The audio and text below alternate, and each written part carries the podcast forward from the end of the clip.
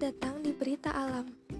Berita Alam kali ini akan membahas mengenai suatu hal yang cukup mengagetkan belakangan ini, yakni munculnya kembali lumba-lumba berwarna pink di perairan Hong Kong dan Macau.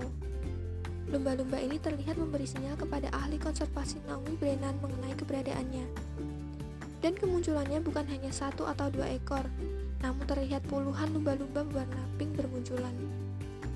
Lumba-lumba pink ini pertama kali ditemukan pada tahun 1637 oleh seorang yang berasal dari Inggris bernama Peter Moody.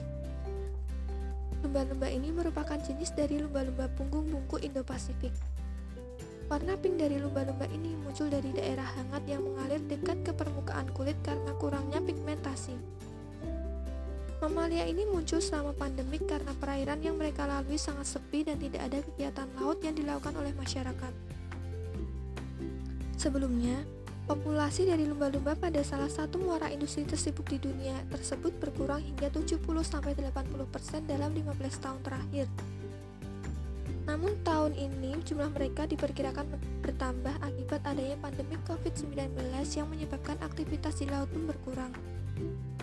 Semoga saja populasi mereka bisa terus bertambah ya setiap tahunnya. Jadi kelak anak cucu kita tetap bisa melihat mamalia yang memiliki warna sangat mengemaskan ini.